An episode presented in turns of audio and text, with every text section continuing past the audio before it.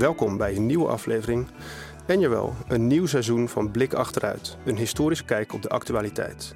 Met nieuwe gasten en een nieuw openingsdeuntje. Mijn naam is René Koekoek. Wie de geschiedenis niet kent, begrijpt weinig van het heden. Alsof je een boek halverwege openslaat zonder de voorgaande bladzijden te lezen. In Blik Achteruit gaan Utrechtse en Amsterdamse historici met aansprekende gasten op zoek naar de historische wortels en kronkels van de actualiteit. In de afgelopen twee decennia is het inburgeringsbeleid in Nederland en andere EU-landen volledig ontspoord. Dat is de stelling van Tamar de Waal. Tamar de Waal is rechtsfilosoof aan de Universiteit van Amsterdam en voorzitter van de stichting Civic, een stichting die zich inzet voor beter inburgeringsbeleid. Dit jaar verscheen haar boek Integration Requirements for Immigrants in Europe, a Legal Philosophical Inquiry, oftewel inburgeringseisen voor immigranten in Europa, een juridisch-filosofisch onderzoek. Het is een diepgaande en doorwrochte analyse van het integratie- en inburgeringsbeleid in EU-lidstaten, met speciale aandacht voor Nederland. Maar het is niet alleen een analyse. Het is ook een kritiek op de manieren waarop het inburgeringsbeleid zich heeft ontwikkeld. Het huidige inburgeringsbeleid is contraproductief en schadelijk, volgens de Waal, zowel voor inburgeraars als voor de ontvangende maatschappij. Hoe moet het dan wel? Daarover gaan wij het komende drie kwartier hebben. Uh, Tamar, uh, welkom bij Blik Achteruit. Dankjewel. Ik heb uh, uitgekeken naar dit gesprek. Um, het eerste decennium van dit millennium, zeg maar de jaren nul. dat waren toch wel de, de hoogtijdagen van debatten over inburgering en integratie. en dat was zo grofweg tussen mijn 15e en 25e levensjaar. Um, een periode waarin ik zelf ook politiek bewust werd. Um, en mijn associaties bij inburgeringsdiscussies uh, gaan uiteraard over 9-11, de opkomst van Fortuyn en de moordaanslag. Maar ook, uh, ik moest terugdenken aan Rita Verdonk als minister van, van Integratie voor de VVD. Uh, discussies over de multiculturele samenleving. Over de vermeende clash of civilizations.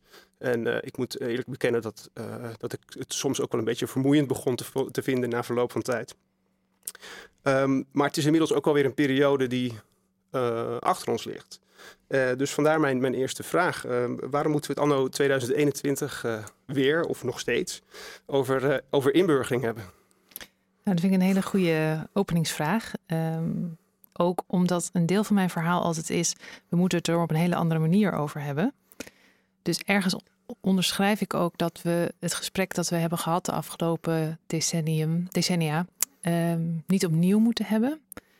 En ergens is ook het openen van het inburgeringsdebat weer het openen van bepaalde culturele thema's, ook in uh, West-Europa. En ik denk juist dat we een beetje van de culturele thema's af moeten. Dat we het misschien eerder moeten hebben over toch economische ongelijkheid of klimaat. Um, dus op een soort van paradoxale manier vind ik soms mijn eigen stem een probleem. um, maar tegelijkertijd denk ik dat de grondslagen van hoe we daarover zijn gaan spreken, ook in reactie op uh, de afgelopen decennia, die zijn toch niet goed ontwikkeld. Uh, eerder de verkeerde kant opgeschoven dan de goede kant op, zou ik zeggen. Uh, en om daaruit te komen, moeten we het er toch weer even over hebben. Dus het is een beetje als de stelling van Wittgenstein dat je de ladder nodig hebt om de ladder weer weg te gooien uiteindelijk. Uh, als, ik daar met, als ik daar meteen op, op, op in mag gaan, we gaan, we gaan het zeker hebben op, over, over jouw kritiek, je fundamentele kritiek op, uh, op het inburgeringsbeleid en ook aan het eind ook wel denk ik op, concrete voorstellen die jij hebt.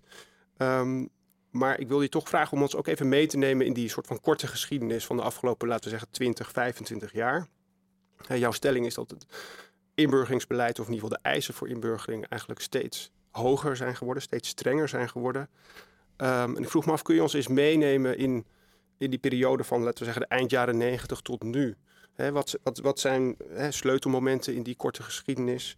Uh, en ja, in, waar, waarover hebben we het eigenlijk? In, in, welke zin is inburgering uh, strenger geworden. Ja. ja, ik zou zelf zeggen dat de discussies over uh, migratie en integratie die relevant zijn voor mijn boek, want ik probeer mijn boek ook te begrijpen wat er nou precies met dat inburgeringsbeleid gebeurd is, dat die uh, ja, toch wel in de jaren tachtig starten. Dus um, wat ook opvallend is als je de, de debatten in de Tweede Kamer uit die tijd leest, dat die toch op veel manieren ontzettend lijken op de debatten en de argumenten die nu weer naar voren komen. Dus ik heb soms ook het idee dat we haast ook historisch vergeten hoe lang we al in diezelfde loopgraven zitten. Ehm, en soms heb ik ook het idee, maar dat is echt een beetje een eigen theorie, dat dat komt omdat het millennium daartussen zit. Dus het klinkt niet zo heel lang geleden, de jaren 80, uh, maar dat is 40 jaar geleden. En volgens mij als je in 1990 zit en dat je zegt, ja, we gaan nu een debat voeren zoals we het ook in de jaren 1950 vierden, dat voelt dan meteen heel erg veel langer terug. Ik weet niet of dat zo is. Maar um, het, het, lijkt nog een beetje steeds dichtbij. Het lijkt nog iets dichterbij de jaren 80 van de vorige eeuw. Maar dat is inmiddels natuurlijk al heel lang geleden. En ook dat inburgeringsbeleid, dat is op een bepaalde manier een paar keer ingevoerd en weer afgeschaft en weer uh, op andere manieren ingestoken, maar steeds weer met dezelfde argumenten. Dus het is ook wel, denk ik, belangrijk om te blijven benadrukken van we doen dit nu al 40 jaar. De uitkomst na 40 jaar uh, is niet heel rooskleurig. Dus er is ook iets mis met de manier waarover de, dat we erop praten. Maar goed, in ieder geval, ik denk dat die um, debatten over uh, integratie en migratie, die uiteindelijk zijn gaan inwerken op dat inburgeringsbeleid, die zijn begonnen in de jaren 80.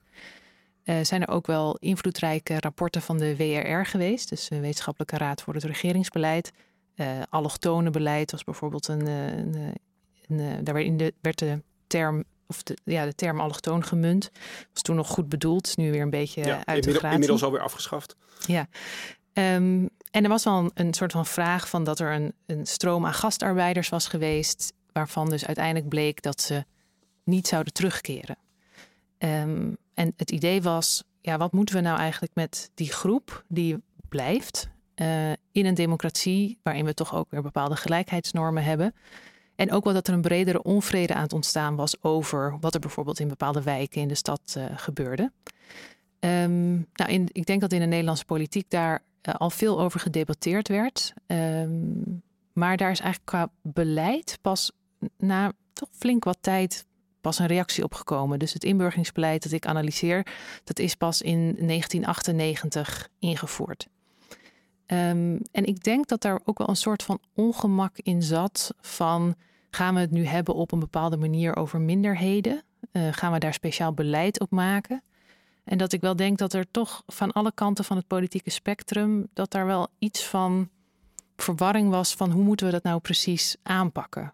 Um, En je ziet ook dat er ook toen al heel erg op twee benen werd gehinkt. Dus uh, aan de ene kant werd al gezegd, ook in dat WR-rapport dat ik net noemde, dat er iets van publiek beleid nodig was voor deze groepen.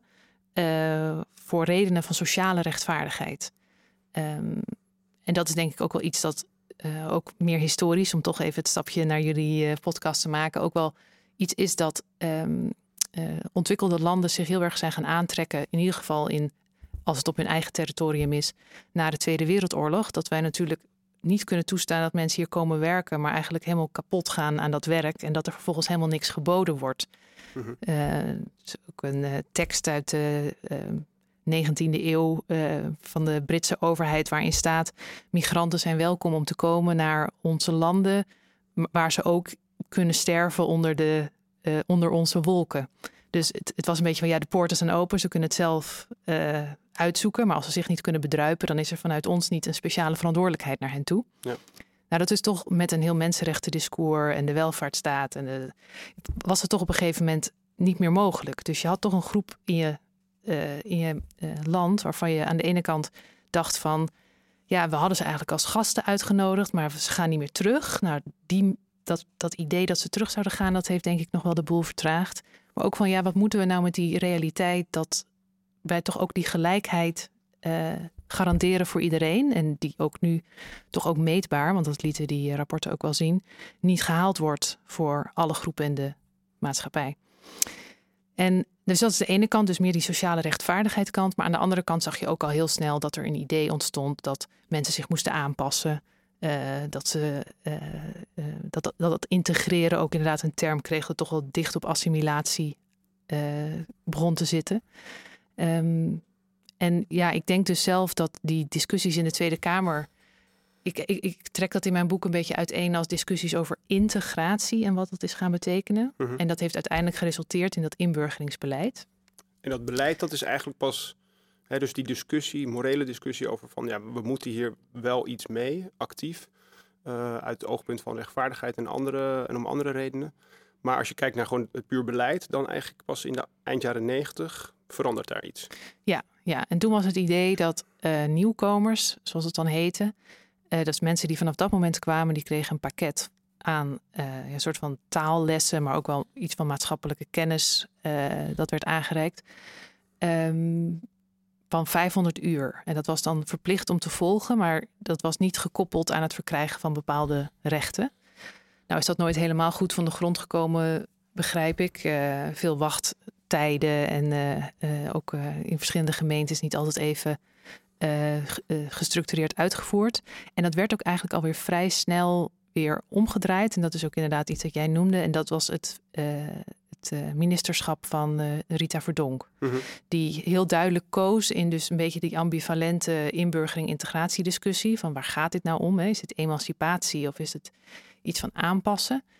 Heel duidelijk die kant koos van ja, mensen moeten iets uh, afronden om het te verdienen om bij ons te mogen horen. Ja. Um, en... dus, dan hebben we het, dan, dus dat was eigenlijk onder Verdonk voor het eerst dat, dat die link zo duidelijk gelegd werd tussen ja. op het moment uh, dat je uh, naturalise wil naturaliseren, hè, dus het Nederlanderschap wilt verkrijgen of, of een permanente verblijfsvergunning, dan moet je het verdienen door uh, inburgeringsexamens succesvol af te ronden. Ja, dus ik denk dat het perspectief al wel wat langer rondzong, maar dat het bij haar en ook dat zij op die plek kwam, dat heet wel hele, dat het, zo politiek dat dat het speerpunt ook echt werd. En dat was vrij snel dus, want dat was in 2003.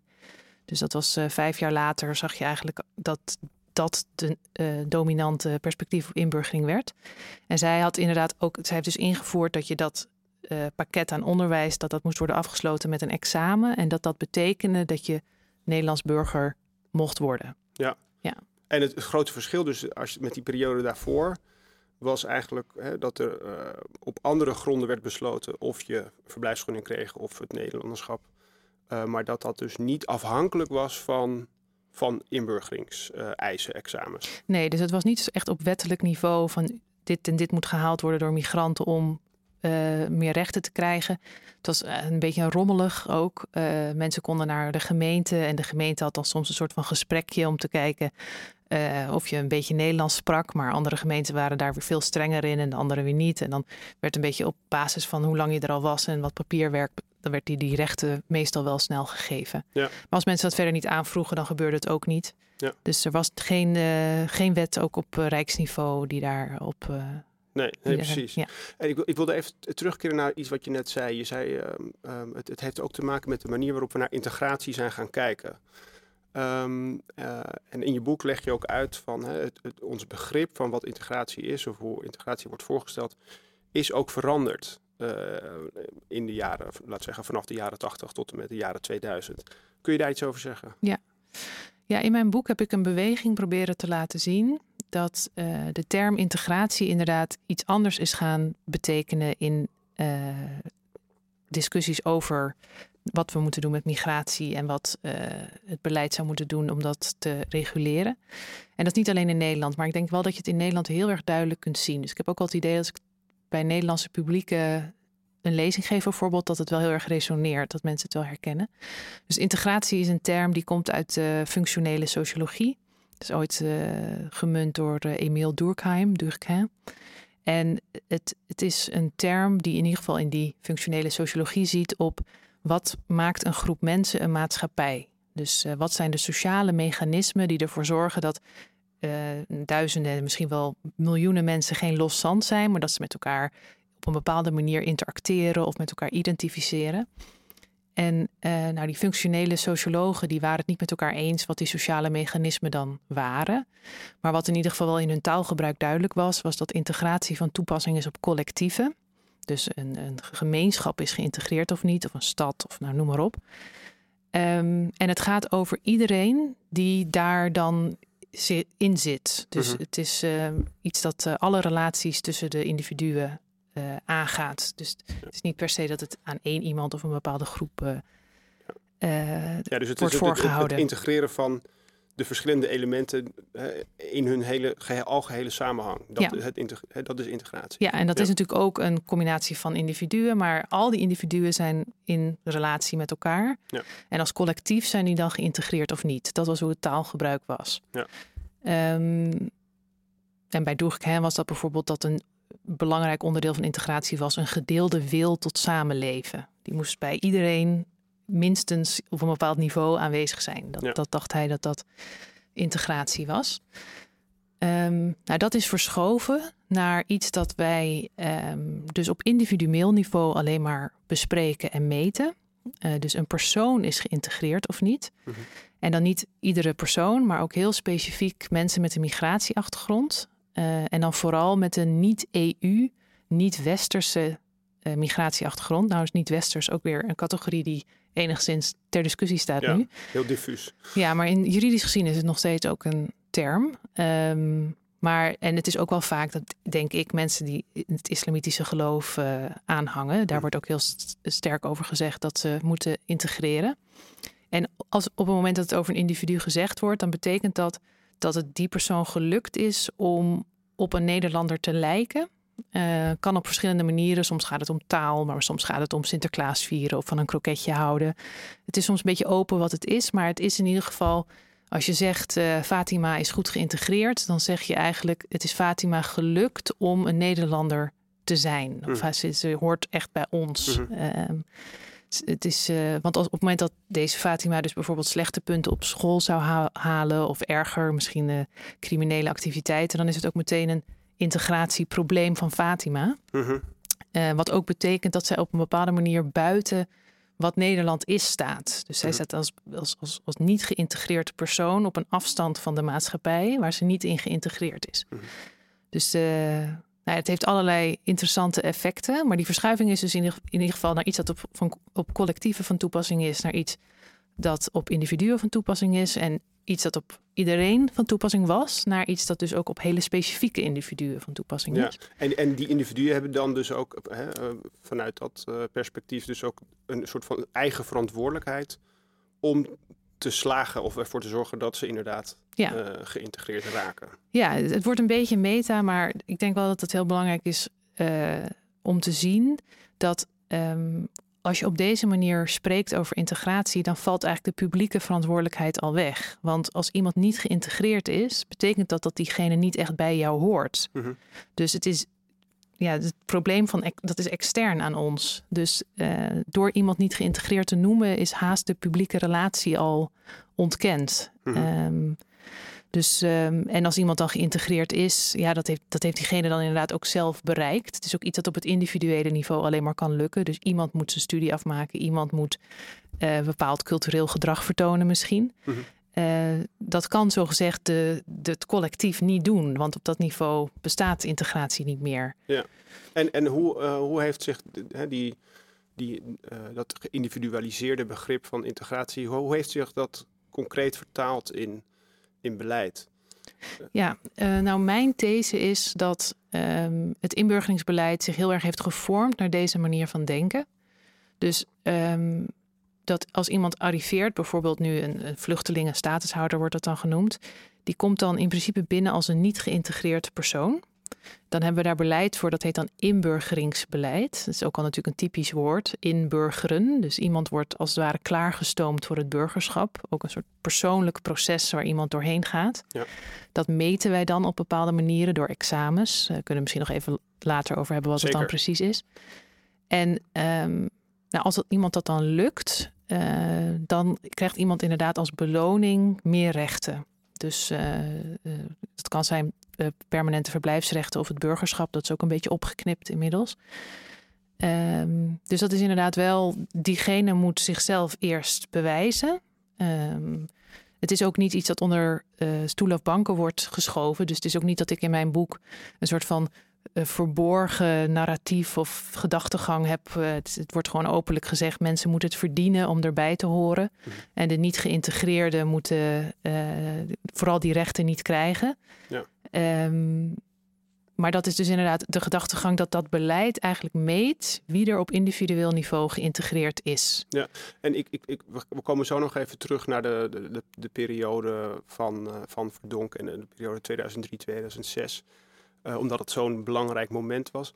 Maar nog even op dit thema doorgaand. Um, ik begreep uh, dat sinds de wetswijziging in 2013 dat uh, het ook echt letterlijk een soort van eigen verantwoordelijkheid is, als in van zelfredzaamheid. Hè. Je, je, als je een, als inburgeraar ehm, een, een, een, taalkursus wil doen en een taalexamen wil afleggen, dan moet je letterlijk zelf geld lenen om dat te kunnen betalen. Ja. En dat is, is, dat is dus echt bijna een soort van, ja, bijna een excess, zou je kunnen zeggen, van die doorgeschoten individualisering van integratie. Ja, dus ik denk ook wel dat op dat moment die, dat idee dat het individu het zelf moet doen, vrijwel compleet was. Dus inderdaad, um, daarvoor was ook het, de gemeente nog wel een aanspreekpunt voor inburgeraars. Uh, maar de gemeente werd ook als het ware uitgehaald. Dus die kon ook niet zo heel veel meer doen. En uh, er werd een website aangeboden, inburgeren.nl. En daar moesten de mensen, moesten inburgeraars hun informatie zoeken. En inderdaad, een onderdeel daarvan was een lening afsluiten om cursussen in te kopen. Ook voor de examens moest worden betaald. En er is ook een periode in 2013 geweest dat uh, alle informatie in het Nederlands werd gestuurd. Uh, met het idee van, nou wij spreken hier Nederlands. Dus de, degene die hier naartoe komt, moet zelf maar een manier vinden om zo'n brief dan te ontcijferen. Uh, dus ja, alle verantwoordelijkheid om mee te komen, werd dus bij dat individu ja. gelegd. Ja. Uh, en dat was ook gewoon echt expliciet de gedachtegang van. Ja. Daarom doen we het in het Nederlands, want wij spreken hier Nederlands. Ik, ik, stel voor dat we daar, daar zo op terugkomen. En, en nog, nu nog heel even terugkeren naar die, die, die, die cruciale jaren uh, ja, na, na 9-11, uh, uh, na de opkomst van Fortuin en de komst van, van de nieuwe integratienota van, van Verdonk. Want die discussies over inburgering die hebben zich natuurlijk niet in een maatschappelijk vacuüm afgespeeld. Um, hè, dus er was een heel duidelijke link tussen die, die nieuwe ideeën over inburgering en gewoon de maatschappelijke discussies uh, uh, over ja, de multiculturele samenleving, in Nederland, over het gevaar van terrorisme en dat soort dingen. Hoe zie jij die, die link tussen die verhitte debatten en, en hoe dat zich vervolgens vertaalt in een bepaald soort denken over inburgering? Ja, ik denk dat die link toch wel één op één is. Um, ik denk dat inderdaad migratie en integratie haast um, politiek onderwerp nummer één is geweest voor een hele lange tijd. Um, en ik denk dat, en daarom vond ik het ook een goede vraag waarmee je begon van waarom moeten we daar in 2021 nog steeds over hebben? Omdat ik denk dat nu dus een bepaalde manier van hierover denken um, genormaliseerd is, die ook eigenlijk helemaal uh, haak staat op hoe de werkelijkheid echt is. Dus er is nog steeds zo'n beetje een beeld van ja, we hebben groepen binnengehaald in de jaren 60 en 70. Die integratie is toen mislukt. Als we die integratie nog recht trekken, dan, um, dan zijn we weer compleet of mhm. zo. Dat is toch nog steeds het beeld een beetje. -hmm. Terwijl ook als je de statistieken bekijkt, met veel van die uh, groepen die toen zijn gearriveerd, gaat het eigenlijk best wel goed. Het is ook niet zo dat wij natuurlijk die grote groepen hebben en dat er daarnaast helemaal geen andere immigratie meer is of andere vragen. Dus ook de laatste rapporten van de WR laten zien van uh, ja, de randstad in Nederland is eigenlijk gaat net zoveel migratie in en uit als een stad in Londen. Mm. En er komen vanuit alle plekken van de hele wereld. We hebben ook heel veel EU-migranten. Uh, dus de vraagstukken van wat betekent het om een immigratiesamenleving te zijn, is ook zoveel breder. Mm. Um, dus ja, ik denk dat die vernauwing van het debat en toch ook wel die totale focus inderdaad op bepaalde groepen, een heel verkokerd en nauw perspectief op hebben wie, de, wie er dan beleid moet krijgen en wie de aandacht er moet krijgen. En vooral ook voor wie het niet makkelijk moet zijn om erbij te mogen horen. Dus extra hoepels ook voor specifieke groepen. Mm -hmm. um, en ja, in plaats van dat er dus is gekozen voor een meer inclusief verhaal, waarin bepaalde democratische waarden voorop staan, of het belang van de welvaartsstaat, of eh, nou noem maar op, is het eerder toch een uitsluitend verhaal geworden van uh, uh, dat bepaalde groepen een probleem zijn, totdat ze zelf bewijzen dat ze dat niet zijn. Maar als ik daar meteen op mag, mag inhaken, wat ik, wat ik erg interessant vind aan wat je in je boek zegt en ook wat, wat, wat ik op de, de website van jullie stichting Civic las. Je kan natuurlijk over integratiebeleid heel erg nadenken in termen van ja, um, hoe doeltreffend is het, hoe, hoe effectief is het inburgeringsbeleid wat nu gevoerd wordt. Um, maar eigenlijk wat jij volgens mij in je boek betoogt uh, in de jaren 2000, uh, in, die, in, die periode waar we het net over hadden, daar zie je eigenlijk dat het inburgeringsbeleid eigenlijk niet eens meer zozeer gaat over, of die eisen die gesteld worden, niet eens meer zozeer gaan over van oké, hier gaan we heel doeltreffend mensen mee inburgeren in de Nederlandse samenleving. Maar dat het eigenlijk een instrument wordt om um, ja, iets te zeggen over de, de, de, Nederlandse identiteit, de nationale cultuur.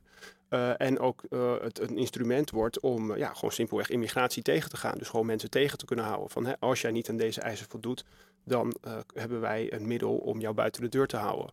Um, um, maar daarmee, daarmee is de, de vraag van hoe effectief is dit eigenlijk? Ja.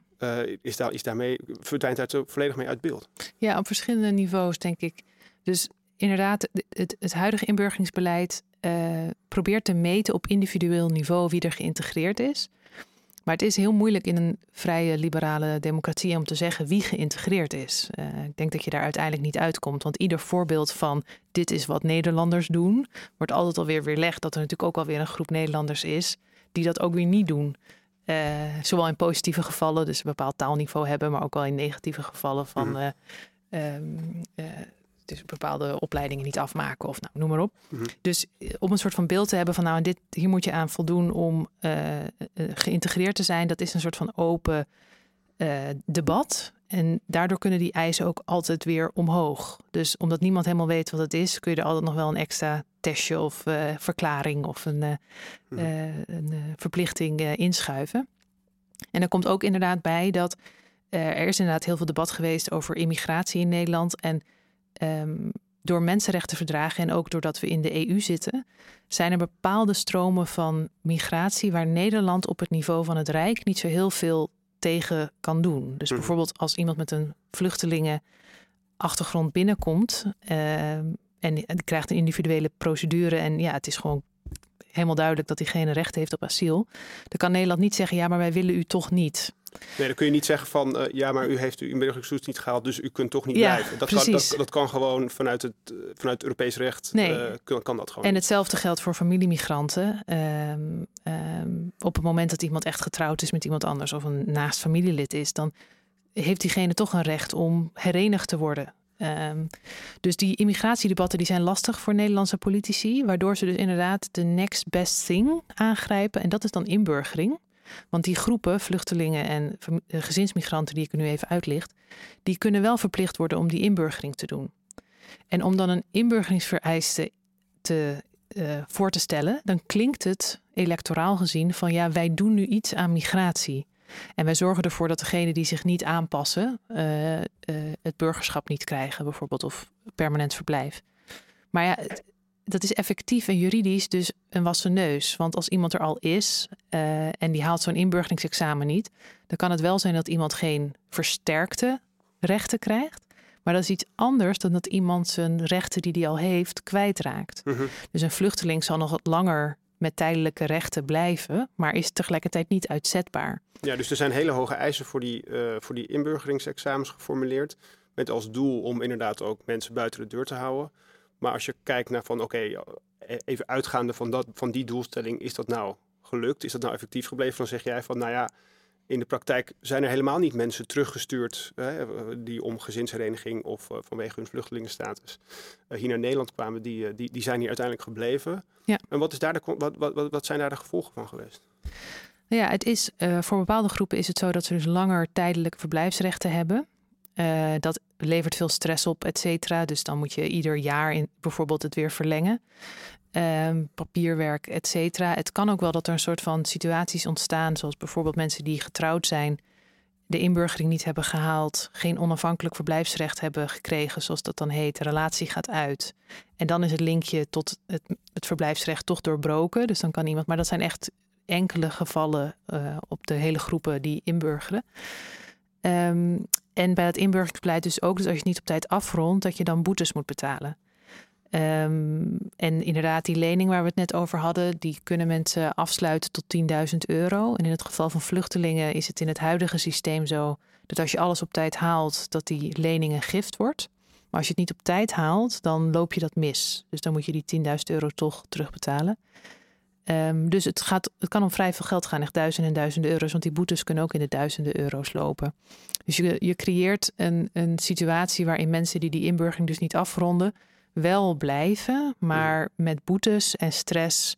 En blijkbaar dus ook niet uh, bijvoorbeeld de taal goed hebben geleerd. Uh, daar blijf je eigenlijk mee zitten. Uh, en op termijn is het wel zo, er zijn wel een soort van ontheffingsregelingen. Die gaan in het nieuwe stelsel er weer iets meer uit trouwens. Mm maar dat als je 600 uur onderwijs hebt gevolgd, dat je dan alsnog ingeburgerd kan raken. Maar ja, het heeft, heeft ook wrange uitkomsten. Want voor veel mensen die bijvoorbeeld heel laag geletterd zijn of gewoon niet zo'n hoog IQ hebben, is het al vrij snel duidelijk dat zo'n hele setting van onderwijs met een schoolbord en zeg maar dingen leren, dat het helemaal niet zo goed werkt voor hen. En dan moeten ze dus voor de vorm 600 uur in zo'n schoolgebouw zitten, hm. omdat die hoepel van de inburgering, uh, dus ook taalscholen geven ook wel aan dat zij bepaalde inburgeren daar wel mee helpen. Uh, want zij denken van ja, die mensen moeten inderdaad toch dat permanente verblijf en die inburgering een beetje achter zich laten. Mm, mm. Maar of dat nou inderdaad effectief leidt tot dat die mensen zich wat beter voelen en een betere start hebben, dat is maar zeer de vraag. Maar in jouw boek zeg je eigenlijk van ja, um, dat, is een, dat is een onwenselijke situatie in de eerste plaats voor die mensen zelf. We hebben dus eigenlijk heel veel mensen in Nederland wonen die dus eigenlijk in een soort van vage vuur zitten, in een soort van grijs gebied van ja, geen volledig Nederlanderschap, um, uh, in, een, in, een, precaire situatie zitten. Uh, dus dat is voor die mensen zelf heel vervelend. Maar je zou ook kunnen zeggen van als, als, je, als je uitgaat van is dit nou effectief inburgeringsbeleid? Nou ja, Nee, want die, die, die groepen mensen zullen ongetwijfeld slecht, uh, slecht hun weg kunnen vinden in de Nederlandse samenleving. Maar je maakt eigenlijk nog een, nog, een, nog een dieper punt. Je zegt eigenlijk van ook vanuit het democratisch perspectief is dit onwenselijk. waarom is dat zo? Um, mijn, um, uh, wat ik daar probeer te zeggen is dat op het moment dat mensen in jouw politieke gemeenschap verblijven, uh, dat op het moment dat zij permanente inwoners worden van die politieke gemeenschap en ook permanent onder de wetgeving leven uh, die door die gemeenschap wordt uh, ingesteld, dat de democratie zelf dan vereist dat zo'n groep mensen, of al gaat het maar om één persoon, op een gegeven moment een stem krijgt in die wetgeving die op hem of haar van toepassing is. Um, dus je kunt ook niet zeggen vanuit de democratie eigenlijk, we gaan u eindeloos testen of u wel geschikt bent voor de democratie. De, de democratie is eerder emancipator ingesteld en die zegt van iedereen die hier is, heeft uiteindelijk een stem in de democratie. Um, en ik denk dus niet dat je dat uitgangspunt op de achtergrond altijd in je achterhoofd moet halen. Van wat zijn we hier eigenlijk aan het doen? We zijn nieuwe inwoners van Nederland in dit geval hier aan het ontvangen. Um, als zij hier lang genoeg zijn, dan zijn zij gewoon uh, inwoners en daarmee hebben ze recht op burgerschap. Wat willen we hen meegeven? Um, maar die, die, ja, die manier van denken is dus inderdaad omgedraaid. Het is dus veel meer van zij moeten het verdienen om bij ons te mogen horen. Maar ik probeer inderdaad ook in mijn boek uit te leggen dat, um, dat die hele gedachtegang van iedereen die permanent in je samenleving aanwezig is, die heeft recht op burgerschap. Dat is in de geschiedenis ook een hele belangrijke uh, redenering geweest voor heel veel groepen. Uh, nou, de vrouwen bijvoorbeeld, maar ook uh, tot slaafgemaakte of andere minderheden. Um, en die moet je dus nooit loslaten. Dus uh, mensen die naar Nederland komen met een vluchtelingenachtergrond, maar ook gezinsmigranten, daarvan zie je gewoon statistisch dat zeker 80, 90 procent die blijft uiteindelijk. Hmm. En dat betekent dat ze dus uiteindelijk dat recht krijgen ook om burger te worden. En je moet vanuit die gedachte nadenken van wat vinden wij belangrijk dat mensen dan meekrijgen. Mhm, mhm. Want dat probeer ik ook, dat is altijd heel lastig ook in het. Uh, uh, ik heb uh, laatst een essay geschreven in de Groene Amsterdammer, waarin ik ook even heel kort probeer samen te vatten wat nou mijn hoofdpunt is. En daarin probeer ik ook een beetje los te trekken van nou, aan de ene kant hebben we de discussie wie mag er, recht, wie mag er burger worden in welke situatie. Mhm. Nou, dat is dus volgens mij zodra jij effectief permanent ergens woont en leeft en uh, ja, dat geworteld bent. Soms heb ik ook weer problemen met die termen. Maar goed, oké, laten we het toch even mee werken. Wortelschiet. Wortelschiet. ja. Dan, ehm, eh, dan heb je recht op burgerschap. En aan de andere kant heb je gewoon vragen van eh, onderwijs, die ook weer breder zijn dan migranten. Mhm. Eh, maar wat vinden wij belangrijk om mee te geven aan iedereen die hier woont? En aangezien migranten later binnenkomen, misschien ook een iets andere eh, achtergrond hebben. Bijvoorbeeld, ze spreken al een andere taal of ze zijn wel of niet geschoold of noem maar op. Praktisch kan dat allemaal weer een soort van eh, denkwerk eh, behoeven. Maar op meer normatief niveau denk ik dat wat wil je mensen aanbieden die onderdeel zijn van jouw politieke gemeenschap, dat is gewoon een hele brede vraag. Mhm, Daar vallen mhm, migranten mhm. onder, maar er vallen ook andere groepen onder. Dus ik probeer dat heel erg een beetje uit elkaar te houden. Van laten we nou eens die ene kant de vraag van burgerschap eh, behandelen en aan de andere kant de vraag van ja, de emancipa- eh, emancipatie en, en verheffing en Mhm. nou, een beetje de sociaaldemocratie Ja, misschien. Ja, ja. Ehm, maar dan krijg ik alweer reacties ook op, op, die, eh, op dat essay. Mhm. En daar is al heel snel dat mensen dan zeggen van... eh, ja, je zegt dat mensen zomaar burger moeten worden.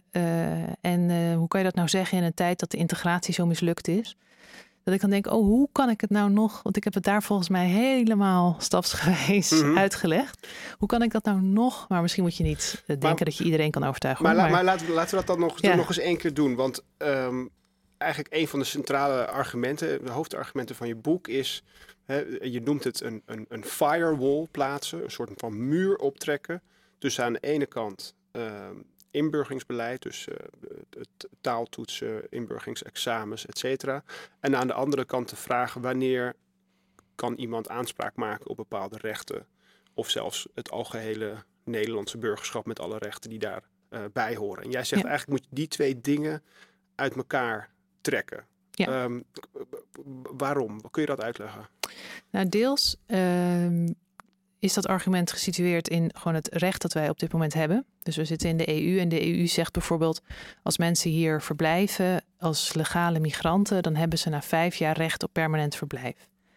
Ehm, tegelijkertijd zijn inburgeringsvereisten toegestaan door EU-recht, maar er staat echt heel duidelijk bij: ze mogen niet uitsluiten. Dus ze moeten eigenlijk alleen maar ceremonieel zijn. Ze moeten mensen juist motiveren, vooruit helpen.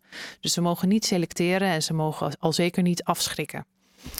Ehm, dus het uitgangspunt is, na vijf jaar ben je permanente inwoner. Nou, statistisch, wat ik net al zei, blijkt ook dat bepaalde groepen, zeker als ze eh, ehm, arriveren, vrijwel zeker blijven en ook hun kinderen en et cetera.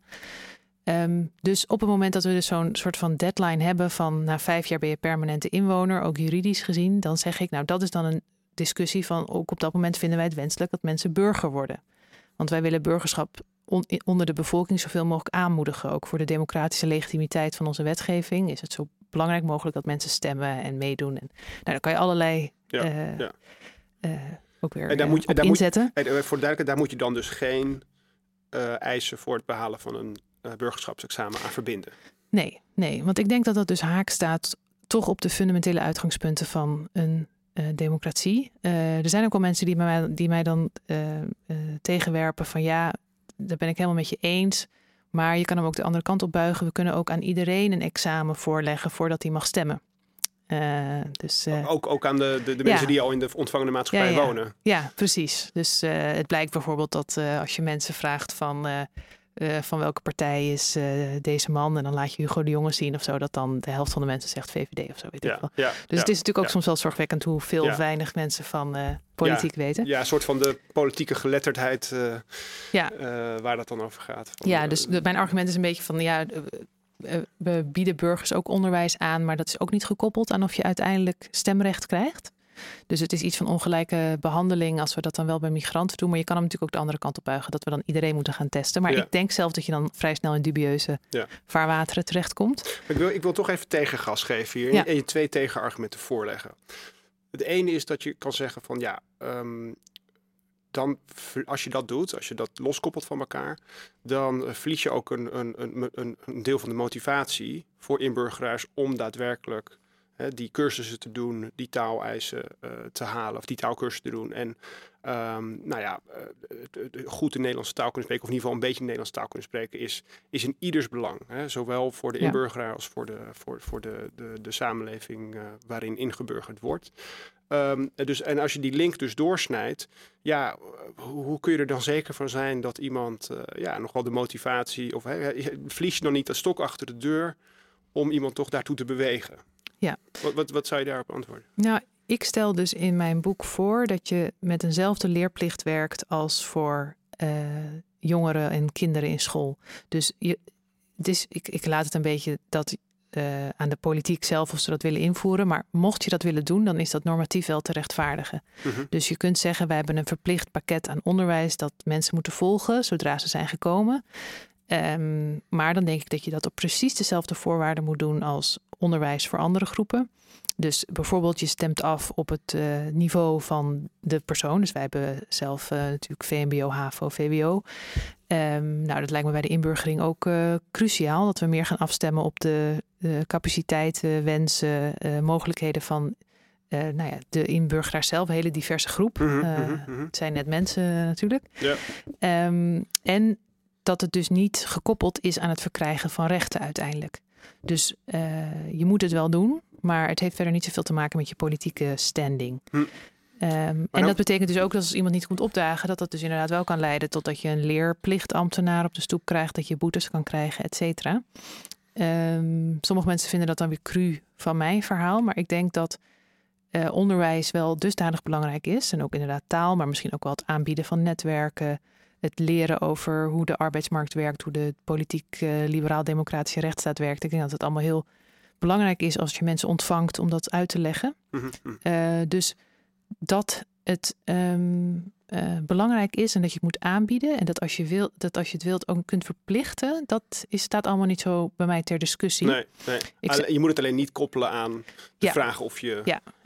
burgerschapsrechten Ja. kan krijgen. Of En niet. ik concludeer dat uiteindelijk omdat er zijn studies die laten zien um, dat er een vorm van inburgeringsbeleid mogelijk is die eigenlijk perfect is. Dus je hebt dan afgestemde vereisten voor de inburgeraar. Uh, op zijn of haar niveau. Dat is inderdaad motiverend, want je krijgt dan uiteindelijk een pluim op je hoed, misschien een naturalisatiedag, je wordt verwelkomd, nou goed gedaan. Weet je wat we ook van de VS kennen natuurlijk, hè? dan heb je ook zo'n soort van examen en uiteindelijk Mhm. word je ontvangen door de burgemeester. En, uh, de, de. Dus dat wordt in de literatuur anticipatie-effect genoemd. Dus dan kan je als het ware uh, migranten prikkelen om te investeren in hun taal. Dus uh, in theorie is het mogelijk om op die manier het in te steken. Hm. Uh, maar ik denk dat er nu op zoveel plekken, zeker in Europa, uh, het inburgeringsbeleid dusdanig ontspoort. Dat volgens mij de kans dat het goed gaat dusdanig klein is. Dat um, je het volgens mij toch gewoon moet zeggen: het mag gewoon al geheel niet. Hm. En ik maak ook in mijn boek een vergelijking met uh, het onschuldsprincipe in het strafrecht. Het is altijd een beetje een gevaarlijke uh, vergelijking, omdat het dan lijkt alsof de migrant een soort van misdadiger is, maar dat bedoel ik niet. Ik bedoel Mhm. meer de, de, de, de gedachtegang daarachter die hetzelfde is. Dat het is in theorie mogelijk dat op het moment dat er geen onschuldsprincipe is van de verdachte, dat de rechter dan zonder enige bias gewoon goed kijkt naar de zaak en besluit dat iemand het niet of wel gedaan heeft. Uh, en dat er eigenlijk helemaal niks mis is met dat proces. Ja. Maar de machtsongelijkheid is zo groot dat je zegt: um, wij gaan toch werken met dat we een soort van extra buffer geven aan de zwakkere partij in deze, dat is de verdachte.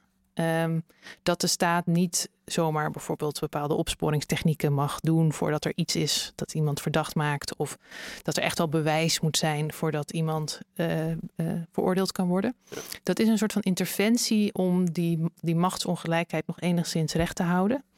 Nou, zo'n soortgelijke interventie, zie, zo zie ik die, dat, die firewall. In het Nederlands zou je het misschien een soort van waterscheiding noemen. Mm -hmm.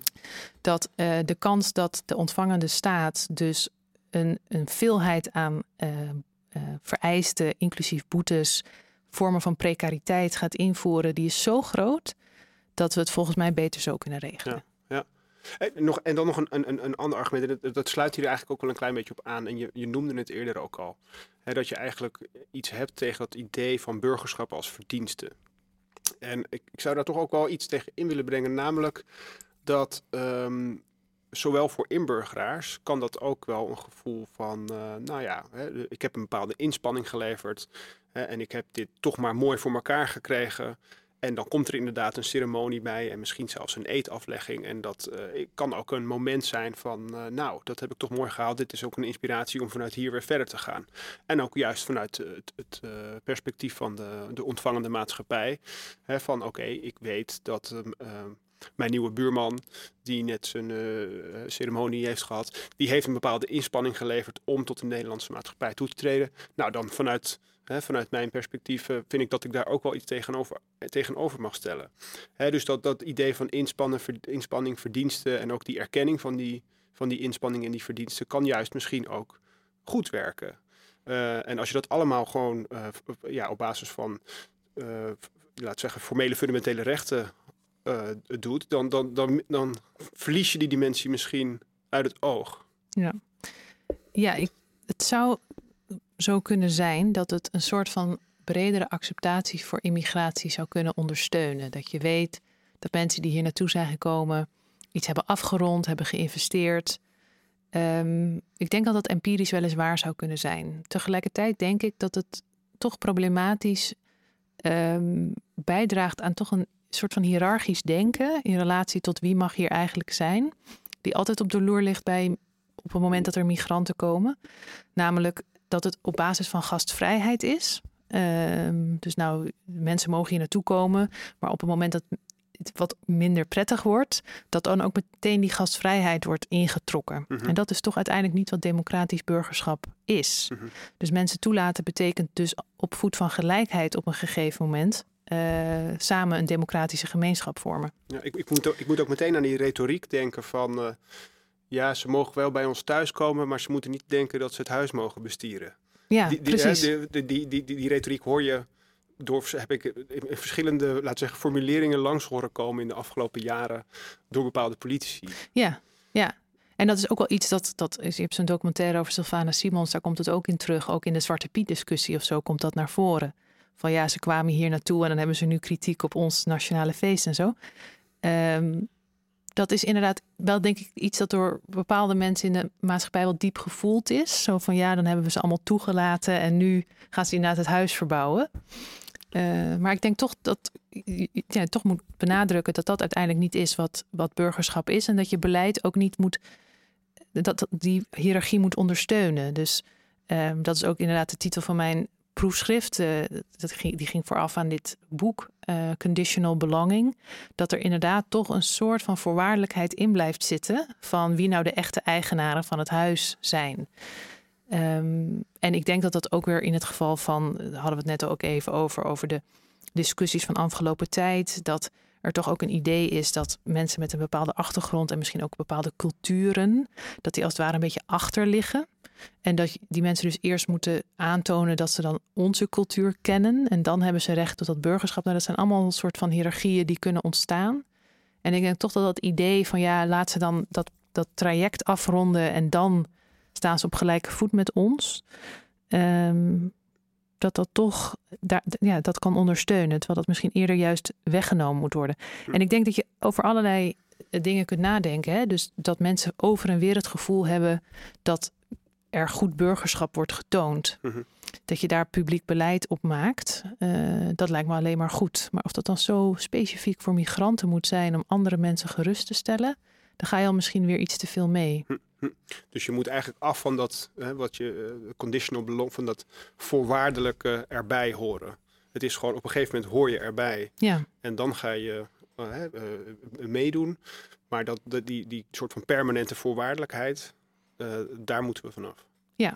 ja, en ik denk ook dat als je meegaat in dat voorwaardelijke denken, dat je dan inderdaad ook al vrij snel meer praktisch averechtse dingen gaat doen.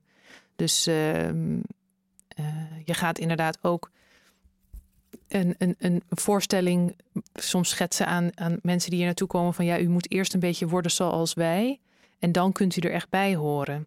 Um, en voor veel migranten is dat ook een beetje van ja, ik kan niet zo worden als u. Uh, ik ben cultureel anders. En het echt verhaal en in een democratie kan dat natuurlijk tot op zekere hoogte prima. Dat uh, ja. als wij gewoon bepaalde waarden en instituties delen uh, en die steunen, dan maakt het helemaal niet uit of we allemaal precies hetzelfde zijn. En we hebben al heel veel diversiteit in onze geledingen.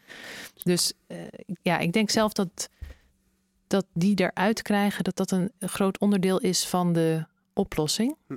En, en meteen, want we moeten, we moeten richting de afronding. Ehm, ik begreep dat uh, op 1 eh, januari 2022 een, een, nieuwe inburgeringswet in werking treedt. Um, en ik vond het ook fascinerend om te lezen in je laatste stuk in de Groene Amsterdammer. Over dat eigenlijk over de gehele breedte de inburgerings, het, het, huidige inburgeringsbeleid eigenlijk wordt afgefakkeld.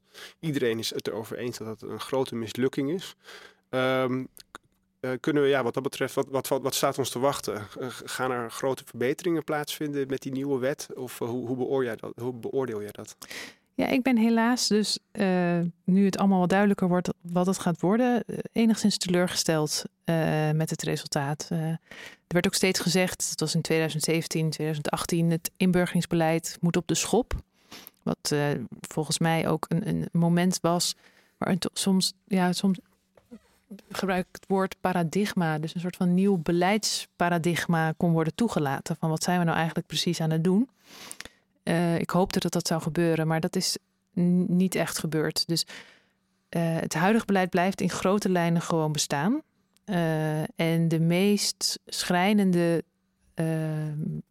onderdelen, en dan vooral als het vluchtelingen betrof, die zijn er afgehaald. Dus de, die leningen gaan eruit. Uh, alleen voor vluchtelingen. Dus gezinsmigranten moeten blijven betalen. Vind ik al opvallend. Uh, de begeleiding van de gemeente komt wat terug. Want gemeenten hadden ook zelfs zoiets van ja, uh, die mensen komen bij ons in de gemeente wonen en we kunnen eigenlijk niet heel veel voor ze doen.